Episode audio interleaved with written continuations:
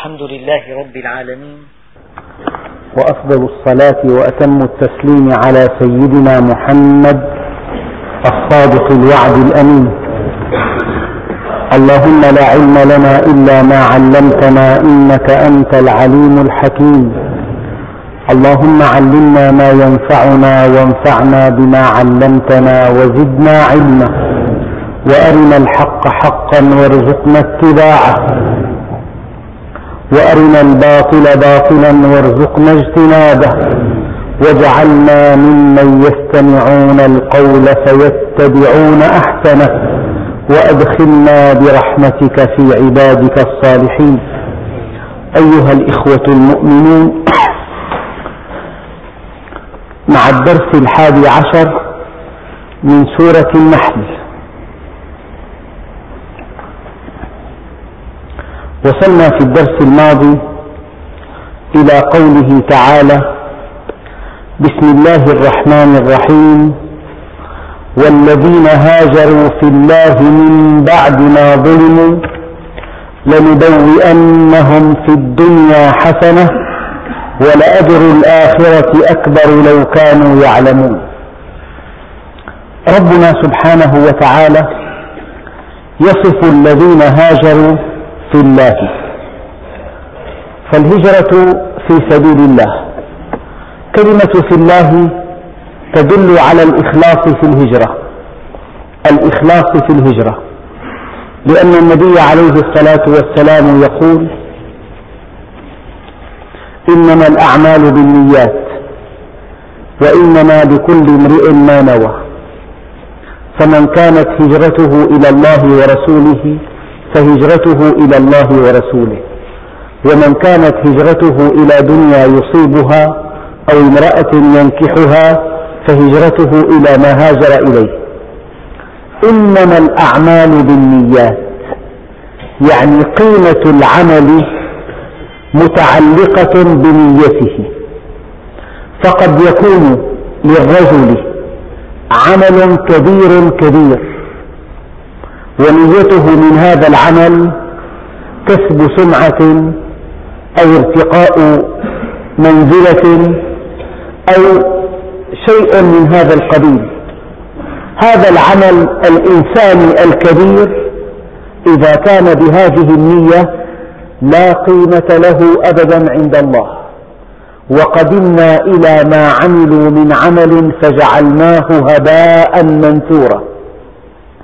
يا معاذ أخلص دينك.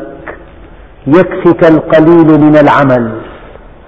لا يستحق امرؤ على وجه الأرض أن تخلص له إلا الله عز وجل.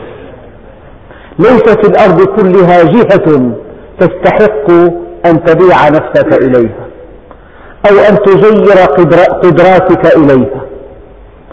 أما الله سبحانه وتعالى هو أهل التقوى وأهل المغفرة.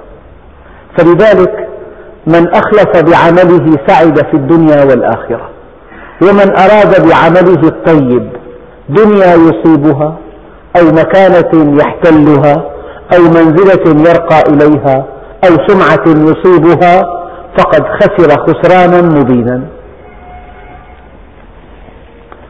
يعني العمل الطيب كالألماس.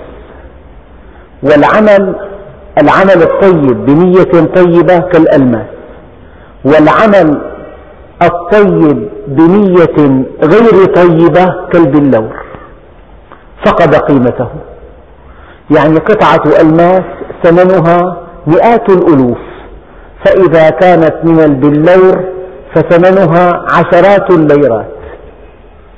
لذلك الله سبحانه وتعالى يقول والذين هاجروا في الله. الهجرة بمعناها الواسع كما قال عليه الصلاة والسلام المهاجر من هجر ما نهى الله عنه. إذا تركت المنكر فأنت مهاجر. إذا قلت إني أخاف الله رب العالمين فأنت مهاجر. بمعناها الضيق التاريخي الانتقال من مكة إلى المدينة. بمعناها الضيق المستمر هجر بلد أجبرت فيه على معصية الله إلى بلد آخر تستطيع أن تقيم فيه شعائر الله. إذا كان باب الهجرة قد أغلق من مكة إلى المدينة فباب الهجرة مفتوح بين كل بلدين يشبهان مكة والمدينة.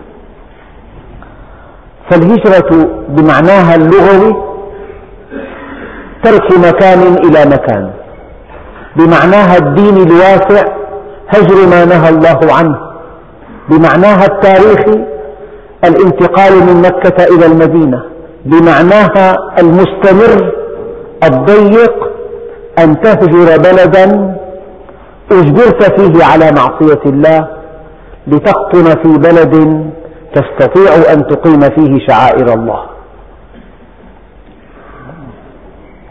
والذين هاجروا في الله من بعد ما ظلموا. الحقيقة الله سبحانه وتعالى يستطيع أن يحمي عباده المؤمنين من دون أن يظلموا.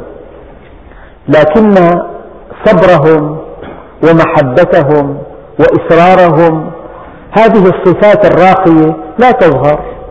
لذلك يسمح لأعدائهم أن ينالوا منهم أحيانا من أجل أن يثبتوا أن يصبروا أن يتوكلوا أن يتابعوا طريقهم إلى الله عز وجل.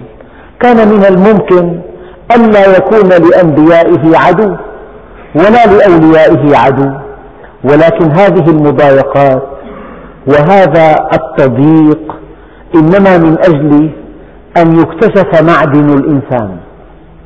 لذلك يوم الخندق من المؤمنين رجال صدقوا ما عاهدوا الله عليه فمنهم من قضى نحبه ومنهم من ينتظر وما بدلوا تبديلا.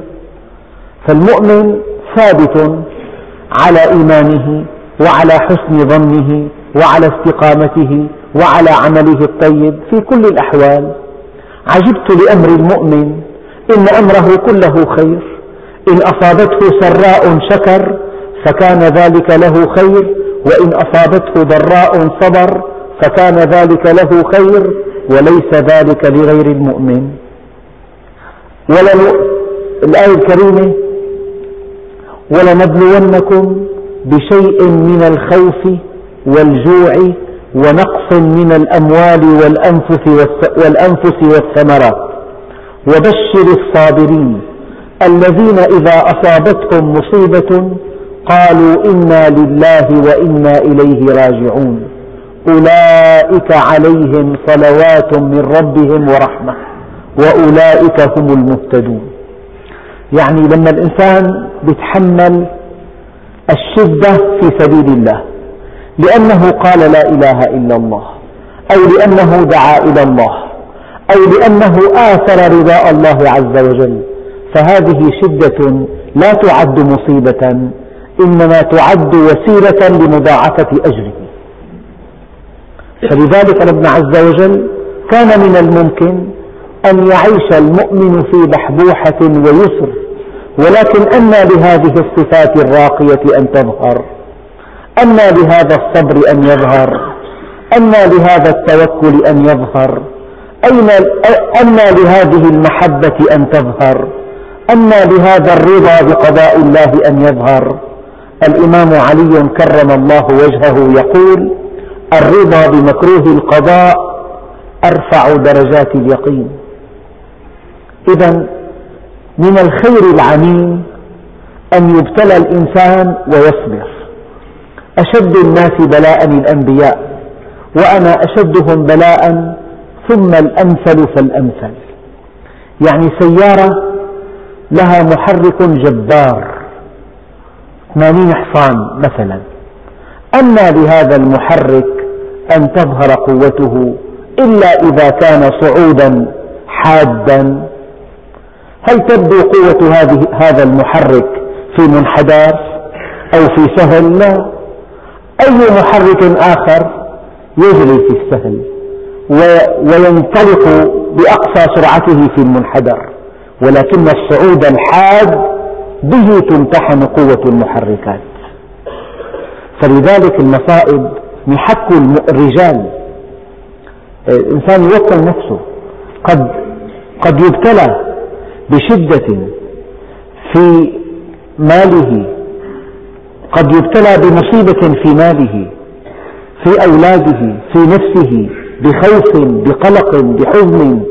هذا من باب مضاعفة الأجر. لأن هذا الإيمان العالي هذه النفس المحبة لا تبدو إلا في الظروف الصعبة. يعني كيف تمتحن صديقا عزيزا عليك؟ إذا كنت تكرمه دائما فكل من عاملك وأكرمته يحبك. ولكن الصديق الوفي إن الصديق الحق من كان معك ومن يضر نفسه لينفعك ومن إذا ريب الزمان صدعك شتت فيك شمله ليجمعك. أردت من هذا الكلام أن أوضح هذه الفكرة. والذين هاجروا في الله من بعد ما ظلموا. يعني كيف سمح الله لأعدائهم أن يظلموهم. سمح لأعدائهم أن يظلموهم ليظهر حقيقتهم.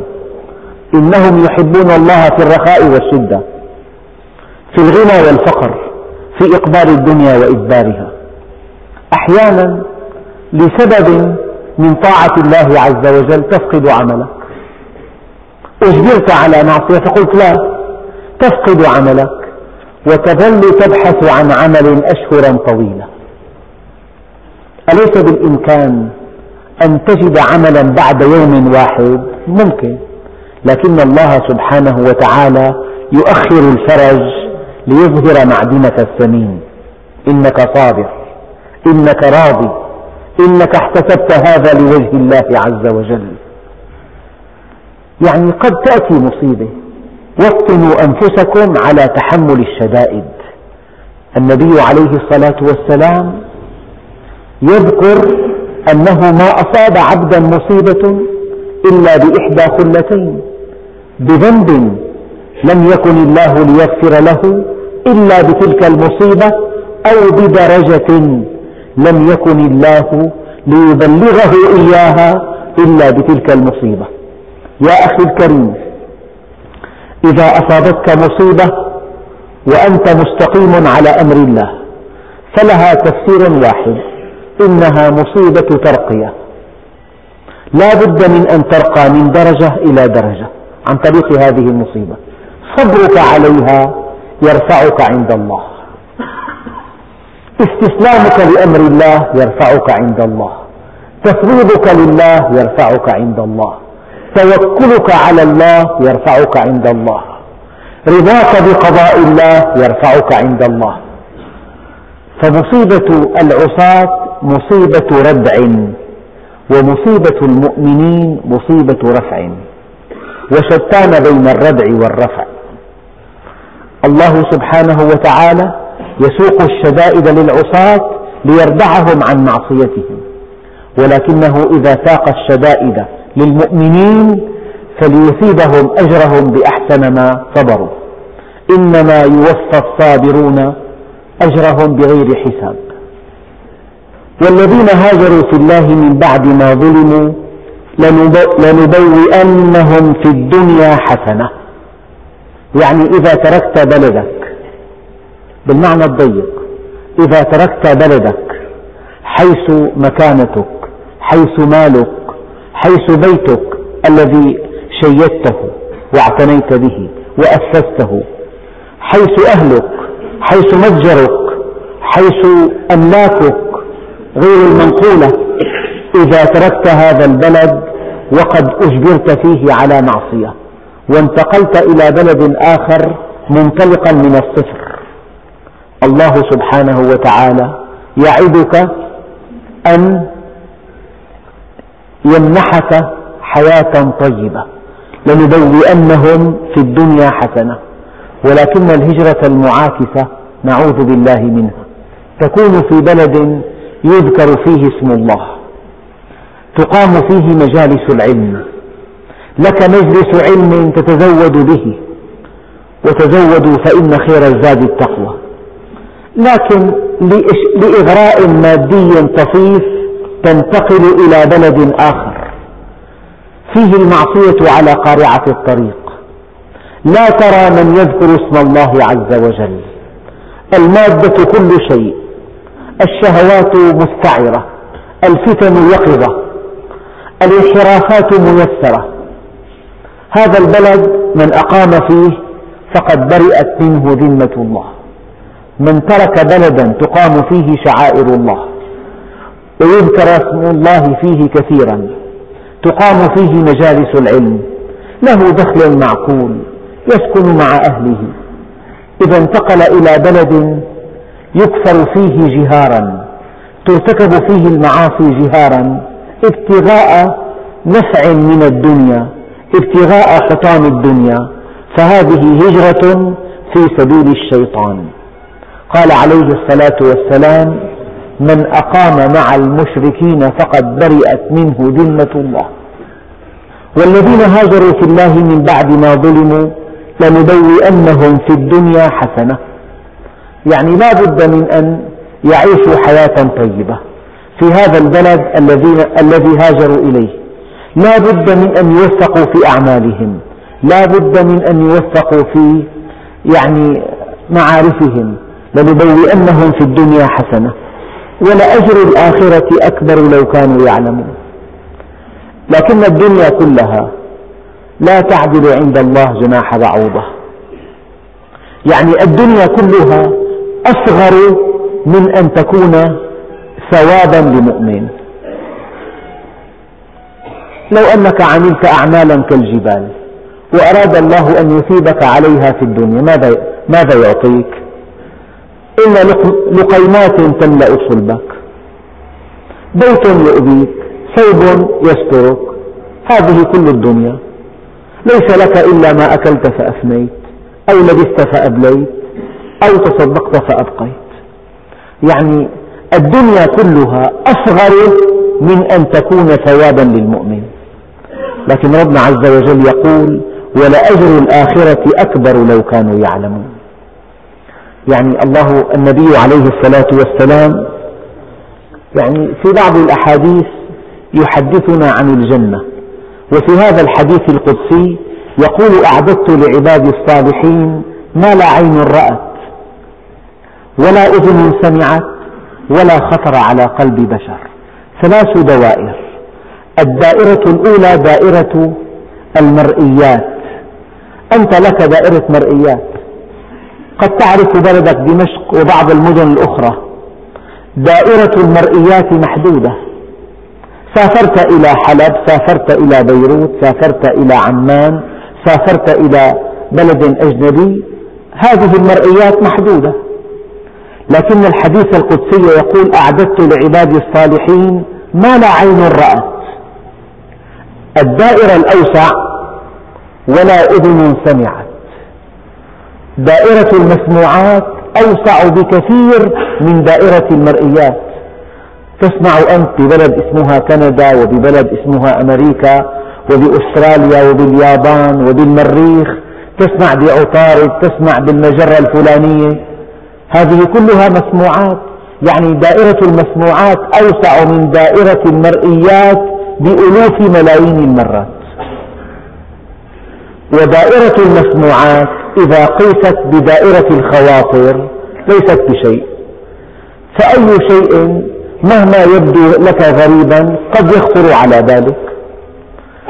فانتبهوا لهذا الحديث. أعددت لعبادي المؤمنين ما لا عين رأت ولا أذن سمعت ولا خطر على قلب بشر. فلذلك الدنيا سجن المؤمن كما قال عليه الصلاة والسلام وجنة الكافر. إذا أصبح أحدكم آمنا في سربه معافى في جسمه عنده قوت يومه فكأنما حيزت له الدنيا بحذافيرها الدنيا سجن ضيقة جدا. لا يستطيع الإنسان أن لو أنه أكل أكلا زائدا عن حاجته لاضطر إلى تخفيض وزنه وأصيب بأمراض وبيلة. لو أنه استمتع بشيء استمتاعا مبالغا فيه لدفع الثمن بالغا. هذه الدنيا مصممة لتكون مزرعة الآخرة. هذه الدنيا مصممة لتكون إعدادا لحياة أبدية. فلذلك والذين هاجروا في الله من بعد ما ظلموا لنبوئنهم في الدنيا حسنة ولأجر الآخرة أكبر لو كانوا يعلمون. لا نستطيع أن نأتي بوصف للآخرة كوصف النبي عليه الصلاة والسلام. قال ما أخذت الدنيا من الآخرة إلا كما يأخذ المخيط إذا غمس في مياه البحر.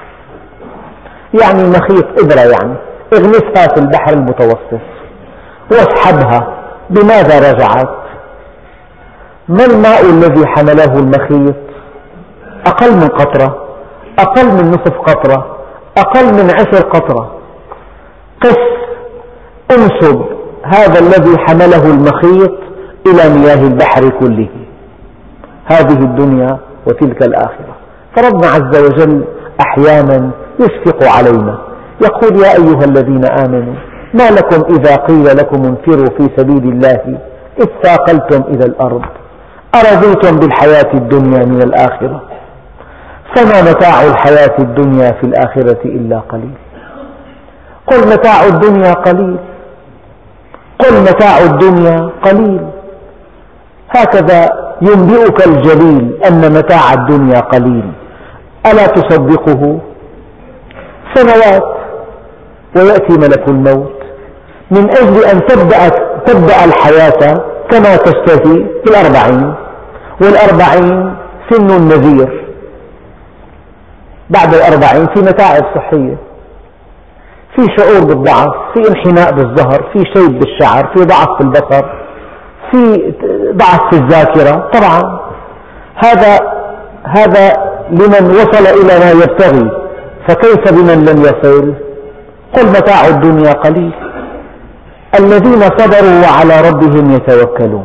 قال المفسرون إن هاتين الصفتين الصبر والتوكل هما ألزم صفتين للمؤمن. الذين صبروا. لماذا هم يصبرون؟ لأن الله عز وجل يتولى معالجتهم ونقلهم من مرتبة إلى مرتبة. لا تظن أن حياة المؤمن رخيصة على الله عز وجل. حياة المؤمن غالية على الله. لذلك وعزتي وجلالي لا أقبض عبدي لا أقبض عبدي المؤمن وأنا أريد أن أرحمه إلا ابتليته بكل سيئة كان عاملها سقما في جسده أو إقتارا في رزقه أو مصيبة في ماله أو ولده.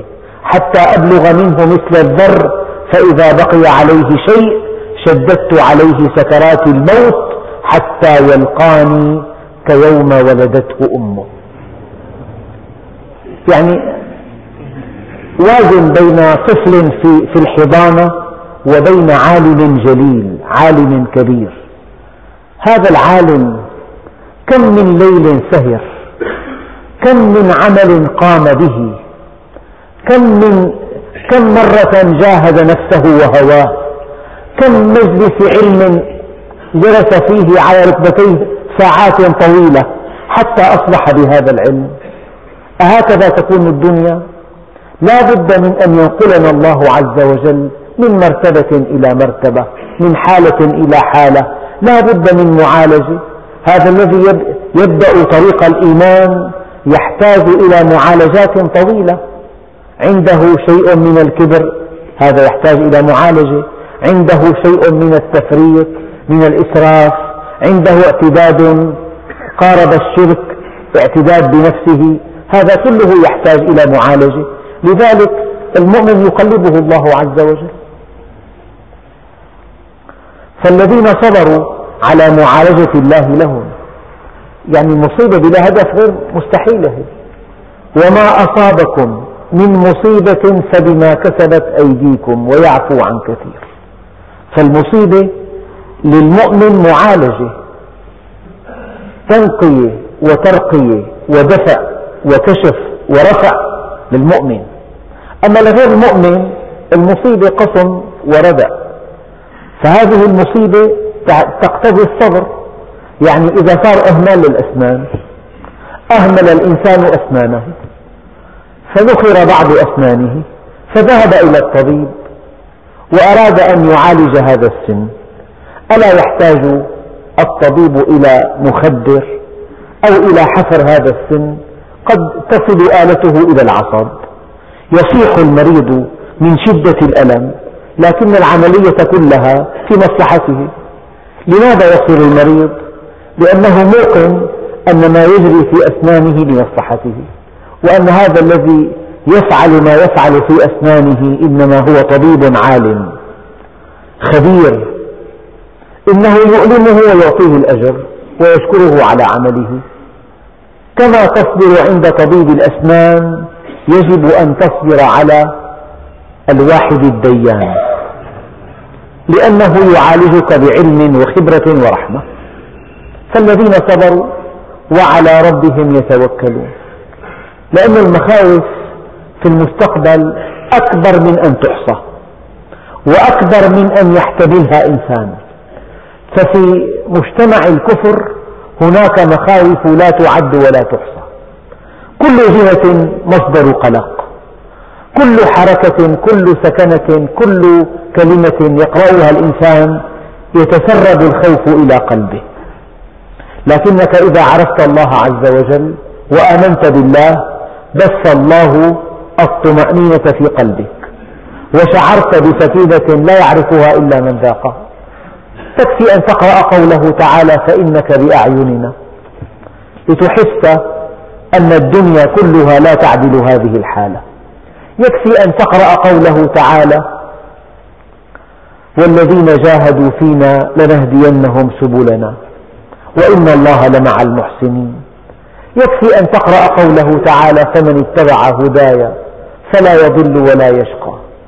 فمن تبع هداي فلا خوف عليهم ولا هم يحزنون. يكفي أن تقرأ قوله تعالى أم حسب الذين اجترحوا السيئات أن نجعلهم كالذين آمنوا وعملوا الصالحات سواء محياهم ومماتهم ألا ساء ما يحكمون. فنعمة الصبر والتوكل لا يعرفها إلا من ذاقها. التوكل الحقيقي. دائما أقول لكم قل مئة ألف مليون. قل ألف مليون. بين أن تقولها بلسانك وبين أن تملكها بيدك ما أبعد الحالتين.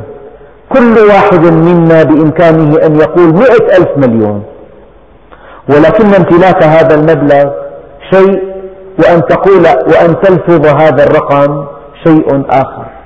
فأن تقول توكلت عليك يا رب وأنت غير متوكل وأنت تخاف من زيد أو عبيد ترجو فلان أو علان. هذا كلام تقوله ولكنك إذا كنت متوكلا يقع الشيء الذي لا يصدق. وقال أصحاب موسى إنا لمدركون. بالمنطق فرعون من ورائهم بجيشه ورجاله وعتاده. والبحر من أمامهم وهم قلة مستضعفة تهيم على وجهها. وقال أصحاب موسى إنا لمدركون. قال كلا إن معي ربي سيهدين. سيدنا إبراهيم ألقوه في النار فقلنا يا نار كوني بردا وسلاما على إبراهيم. سيدنا محمد عليه الصلاة والسلام دخل إلى غار, غار ثور.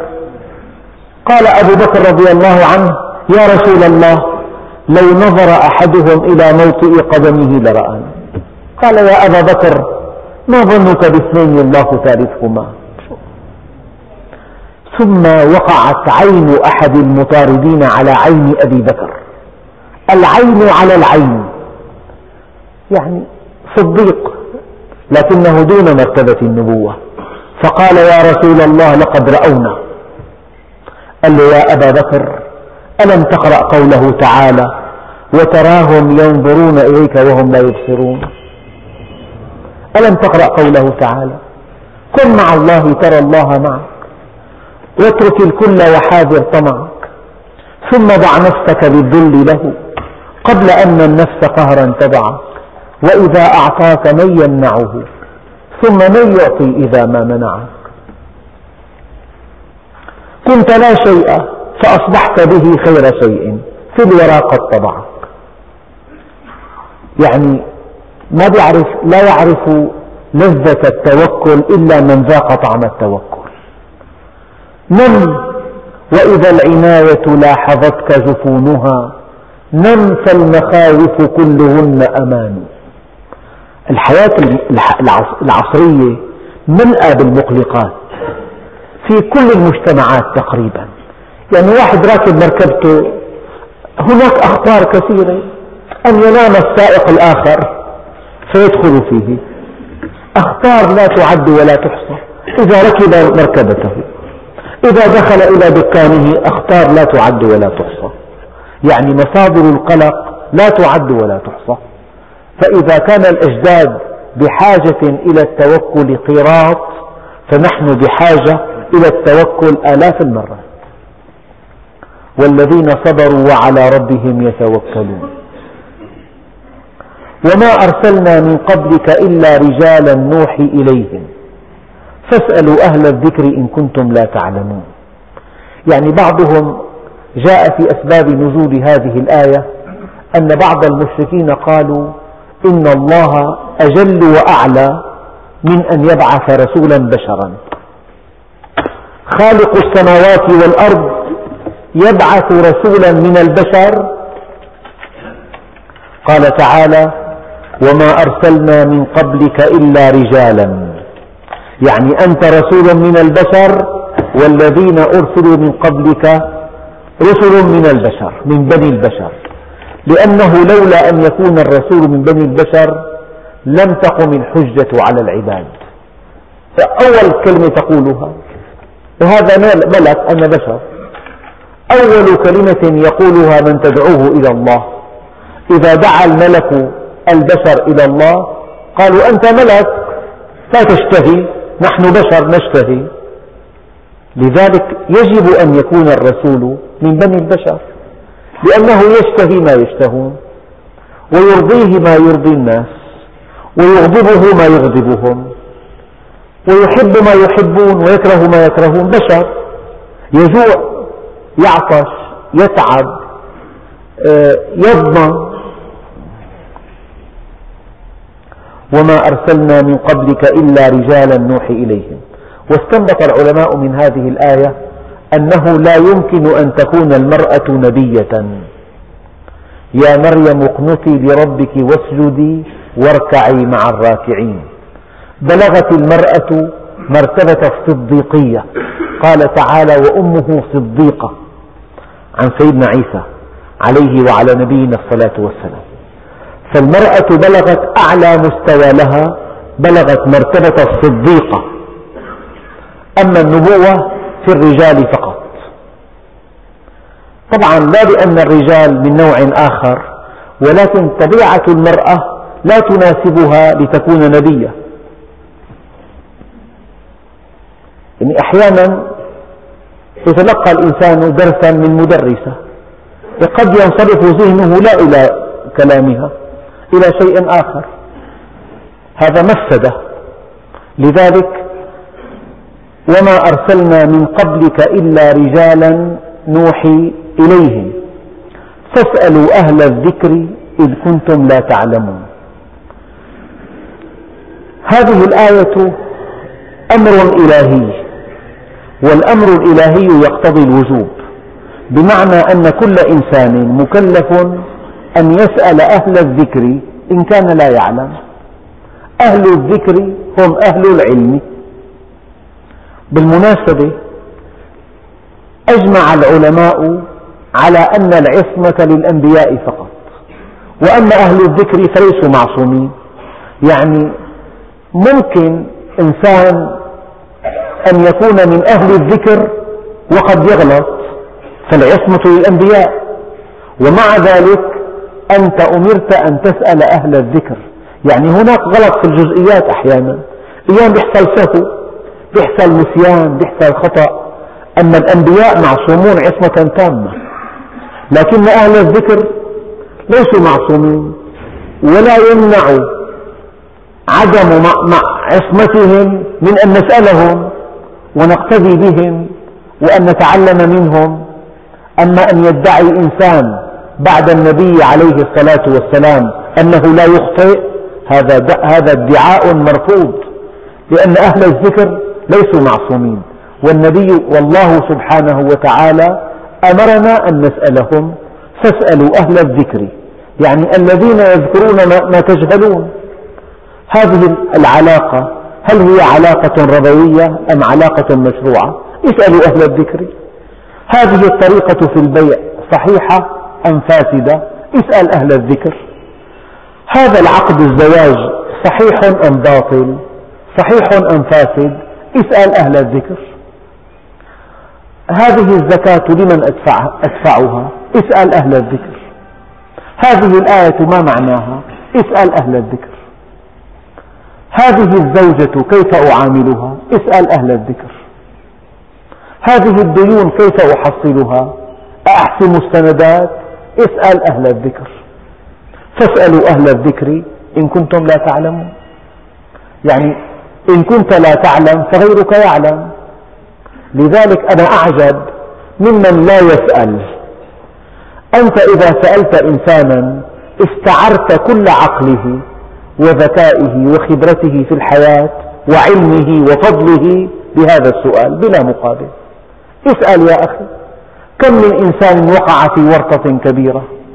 سلك طريقا شائكا وقع في انحراف مهلك ضاع منه ماله كله لأنه لم يسأل. اسأل كيف أقرضه هذا المبلغ؟ كيف أكتب هذا العقد؟ كيف أحدد هذه الشركة؟ كيف أحل هذه الشركة؟ كيف أعامل شريكي؟ اسأل يا أخي. في علاقاتك المالية في عملك في حرفتك في بيتك مع أولادك مع زوجتك مع جيرانك مع من هم أعلى منك مع هم أدنى منك. يعني أيام الإنسان بيترك شيء هو حلال بيتوهم أنه حرام بيتركه يبقى بلا دخل. أخي بيصبر شهر بعدين بينتكس. اسأل أهل الذكر. قبل ترك هذا العمل اسأل أهل الذكر. هل يجوز أن أتركه بلا, أن بلا عمل آخر؟ هل أتركه فورا أم على التراخي؟ اسأل أهل الذكر. فسؤال أهل الذكر يعني استعرت أنت منهم علمهم وخبرتهم والنور الذي أودعه الله فيهم. فلذلك قال عليه الصلاة والسلام ما خاب من استشار ولا ندم من استخار. الاستشارة لأهل الخبرة من المؤمنين والاستخارة لله عز وجل. ففي كل أمر مباح استخر الله أولا واستشر من تثق بدينه ثانيا. فاسألوا أهل الذكر إن كنتم لا تعلمون. هذه خاصة بالعلماء. يعني عالم حدثك سنوات طويلة كلام استفدت منه. في مرة مثلا ألقى على سمعك حديثا راجعته فإذا هو ضعيف. هو من أهل الذكر لأنه ليس معصوما. بشر هو من أهل الذكر. لو كان نبي حاسبه حسابا شديدا. هو ليس معصوما. يعني لا تعطي الإنسان حجم فوق حجمه. إنسان يبذل وسعه ليقدم لك كل ما يستطيع. أما أن تحاسبه على كل حركة وسكنة أنت لا تعلم هذه الآية إذا. فاسألوا أهل الذكر إن كنتم لا تعلمون. يعني ممكن مدرس رياضيات شهير يضع محل الزائد ناقص. سهوا أتضرب عن حضور دروسه؟ لا. أنبهه إلى هذه الغلطة وقد تكون سهوا وأتابع الحضور عنده لأستفيد منه.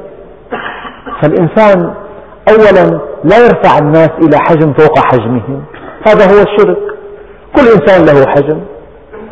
فاسألوا أهل الذكر. قال بعضهم نصف العلم لا أدري. إذا قلت لا أدري فأنت نصف عالم. لا أدري. عرض عليك سؤال قل لا أدري. سأراجعه. هل المفروض أن تعلم كل شيء؟ من, من ادعى أنه يعلم كل شيء فلا يعلم شيئا. أبدا.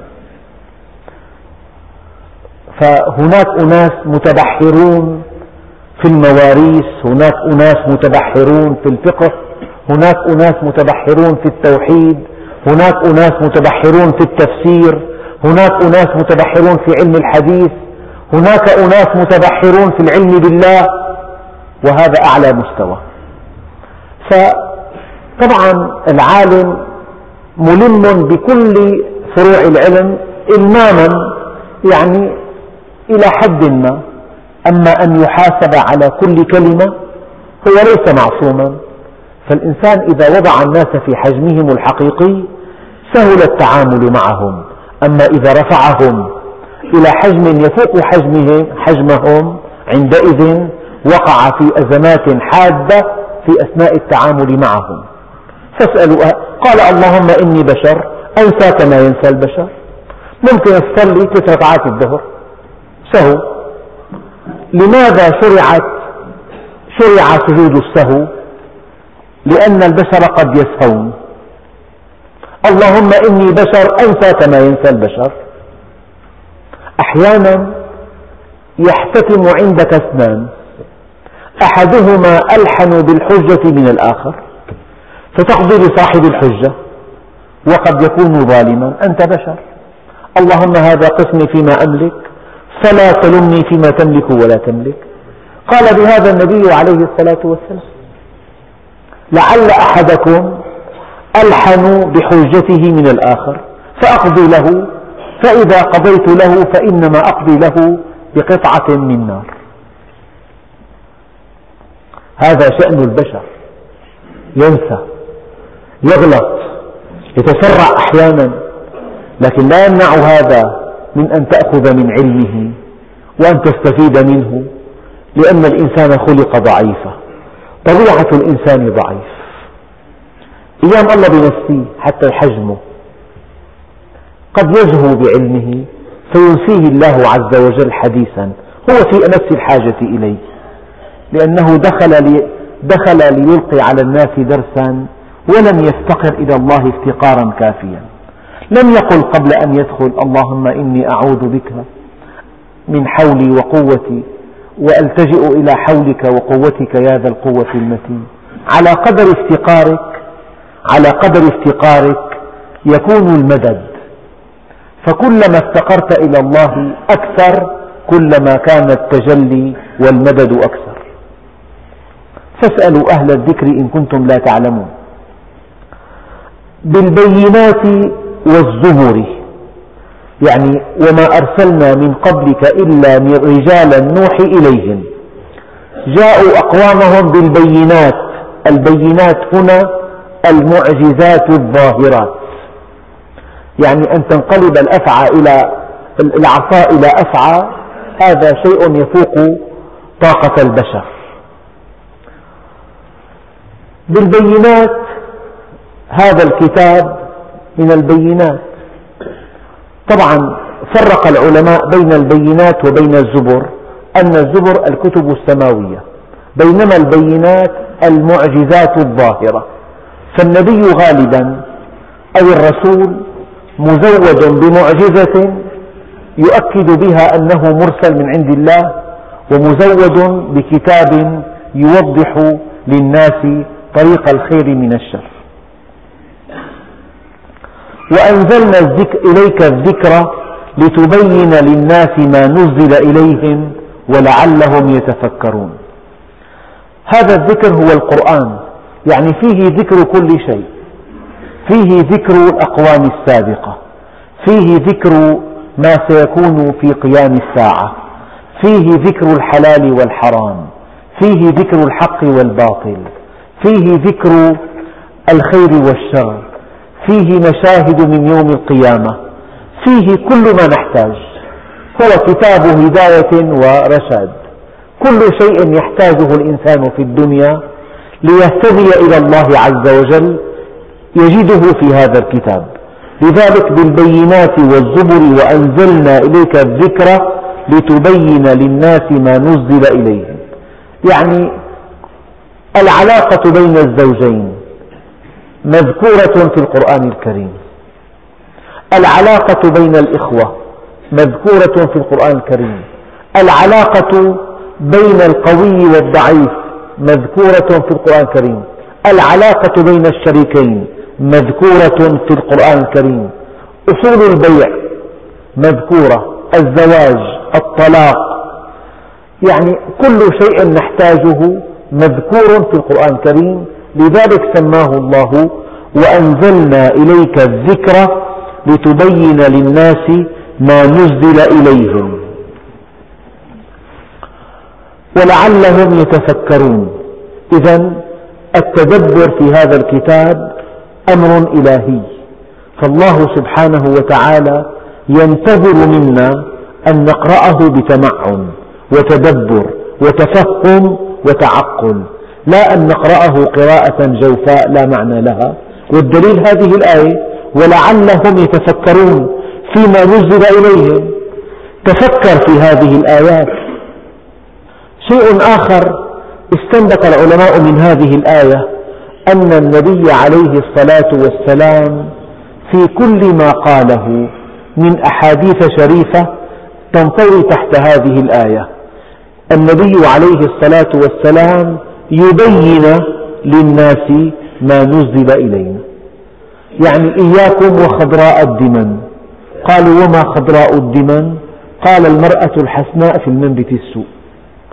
الله عز وجل قال ولا أمة مؤمنة خير من مشركة ولو أعجبتكم. فالنبي قال تنكح المرأة لجمالها ولمالها ولدينها.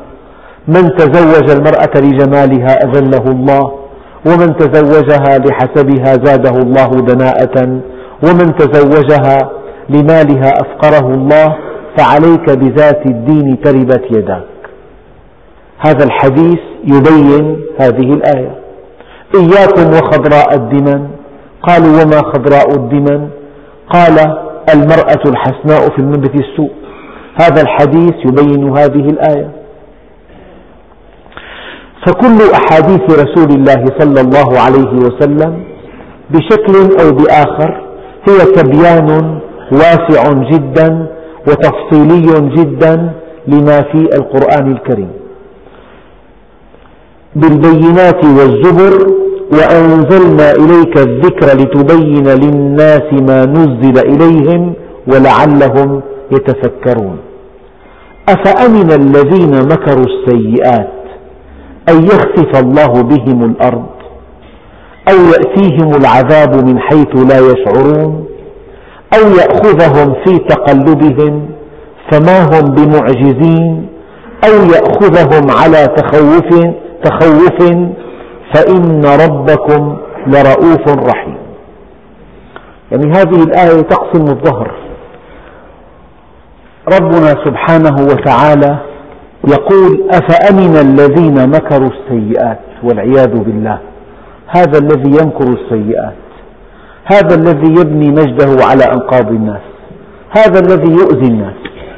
هذا الذي يتلذذ بمصائب الناس. هذا الذي يبث الخوف في قلوب الناس. للا شيء. هذا الذي يمكر السيئات. كيف يأمن مكر الله عز وجل؟ أن يخسف الله بهم الأرض.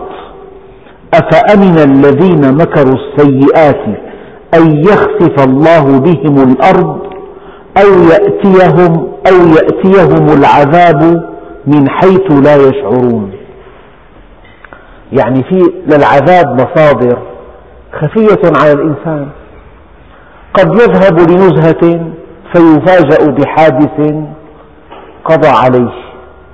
أو جعله مشلولا أو جعله مصابا إصابة بالغة أو جعله ذا عاهة تام دائمة فهذا الذي يمكر بالناس السوء لو يعلم أن الله سبحانه وتعالى سيحاسبه حسابا عسيرا ماذا كان يفعل؟ يعني من يعتدي على حيوان أحيانا يدفع الثمن غاليا. يعني سمعت عن رجل دهس كلبا تسلية لعبا. بعد أسبوع قطعت يده بحادث. بعد أسبوع واحد. أفأمن الذين مكروا السيئات أن يخسف الله بهم الأرض أو يأتيهم العذاب من حيث لا يشعرون؟ يعني هذه المدن الضخمة التي كانت تمكر السيئات. كيف أصابها الزلزال أحيانا؟ أصبحت قاعا صفصفة. أصبحت أثرا بعد عين. أو يأتيهم العذاب من حيث لا يشعرون. يعني أيام في أخبار تأتي كالصاعقة. فجأة يقال له إن كل ما تملكه قد احترق هناك أخبار الإنسان قد لا يحتملها يعني أطباء القلب عندهم حالات من هذا القبيل. يعني أكثر الأزمات القلبية أسبابها نكبات لا يستطيع الإنسان تحملها. يصاب بنوبة قلبية يؤخذ إلى المستشفى. لذلك ربنا عز وجل قال هذا الذي يمكر السيئات ألا يخاف أن يخسف الله به الأرض؟ أو أن أو يأتيهم العذاب من حيث لا يشعرون؟ أو يأخذهم في تقلبهم؟ يعني هم في حياتهم اليومية في محلاتهم التجارية يبيعون ويشترون في سهراتهم في ندواتهم في نزهاتهم في احتفالاتهم. في مرحهم في فرحهم في أوقات راحتهم في أوقات جدهم في أوقات عملهم أو يأخذهم في تقلبهم. هذا المعنى الأول. المعنى الثاني وهم يتقلبون في النعم. قد يأخذهم الله عز وجل. أخذ عزيز مقتدر. أو يأخذهم على تخوف. العلماء في هذه الآية لهم تفسيران. الأول أن الإنسان أحيانا يصاب بالخوف يخاف من جهة ما يخاف يخاف هذا الخوف يتصاعد ويتصاعد إلى أن يقع المحذور. هذا شيء يقع لك خايف يسألوني. خايف خايف بعدين سألوا. وقع المحذور. أو يأخذهم على تخوف يعني المصيبة إما أن تقع عن غير توقع كما قال تعالى أو يأتيهم العذاب من حيث لا يشعرون أو تقع بعد التوقع أو يأخذهم على تخوف. المعنى الثاني التخوف النقص نقص في المواد نقص في الخيرات نقص في المحاصيل نقص في المواد الأولية نقص نقص يعني شبح مجاعة ثم يؤخذون. فالتخوف إما أن يأخذهم بمصيبة يتوقعونها أو أن يأخذهم أخذا بطيئا بطيئا بطيئا إلى أن يتلاشى الإنسان. على كل هذا الذي يمكر السيئات لا بد من أن يخسف الله به الأرض أو أن يأتيه العذاب من حيث لا يشعر أو أن يأخذه وهو في قمة نشاطه أو عمله أو أن يأخذه على تخوف. فإن ربكم لرؤوف رحيم. ما علاقة آخر هذه الآية بصدرها؟ العلاقة أن الله عز وجل قادر دائما وأبدا أن يأخذ هذا الإنسان بشر عمله. لماذا يؤخره رأفة به ورحمة؟ يعطيه فرصة كي يتوب. أما قد يفعل الإنسان عملا يستحق الهلاك والله سبحانه وتعالى لا يهلكه. لماذا لا يهلكه؟ رأفة به ورحمة. لعله يعود لعله يرجع لعله يصحو لعله يذكر لعله يندم لعله يفكر. فإن ربكم لرؤوف رحيم بمعنى أن الله عز وجل لم يأخذهم على تخوف أو لم يأخذهم بعد وهم لا يشعرون أو لم يخسف الله بهم الأرض بعد لأنه رؤوف بهم ورحيم. لكن إذا استمروا وأصروا فلا بد من أن تقع هذه الآيات واحدة واحدة. أن يخسف الله بهم الأرض. الزلازل الصواعق البراكين أو يأتيهم العذاب من حيث لا يشعرون. الأمراض أو يأخذهم في تقلبهم مفاجأة وهو في عمله وقع مغشيا عليه. أصيب بشلل دائم بصير أو يأخذهم على تخوف. يعني قبل أن تأتي المصيبة ينخلع قلبه لها مئات المرات قبل أن تأتي. أو هذا الموت البطيء نقص المواد نقص المواد إلى التلاشي. فإن ربكم لرؤوف رحيم والحمد لله رب العالمين. بسم الله الرحمن الرحيم الحمد لله رب العالمين. وأفضل الصلاة وأتم التسليم على سيدنا محمد الصادق الوعد الأمين. اللهم اجز عنا سيدنا محمدا صلى الله عليه وسلم ما هو أهله. واجز عنا صحابته الكرام ما هم أهله. واجز عنا مشايخنا ومن علمنا ومن له حق علينا. اللهم اجعل جمعنا هذا جمعا مباركا مرحوما. واجعل تفرقنا من بعده تفرقا معصوما. ولا تجعل فينا ولا منا ولا معنا شقيا ولا محروما. اللهم كما هديتنا للإسلام فثبتنا عليه. اللهم ألزمنا سبيل الاستقامة لا نحيد عنها أبدا. واهدنا لصالح الأعمال لا يهدي لصالحها إلا أنت. وصلى الله على سيدنا محمد وعلى آله وصحبه وسلم. والحمد لله رب العالمين الفاتحة.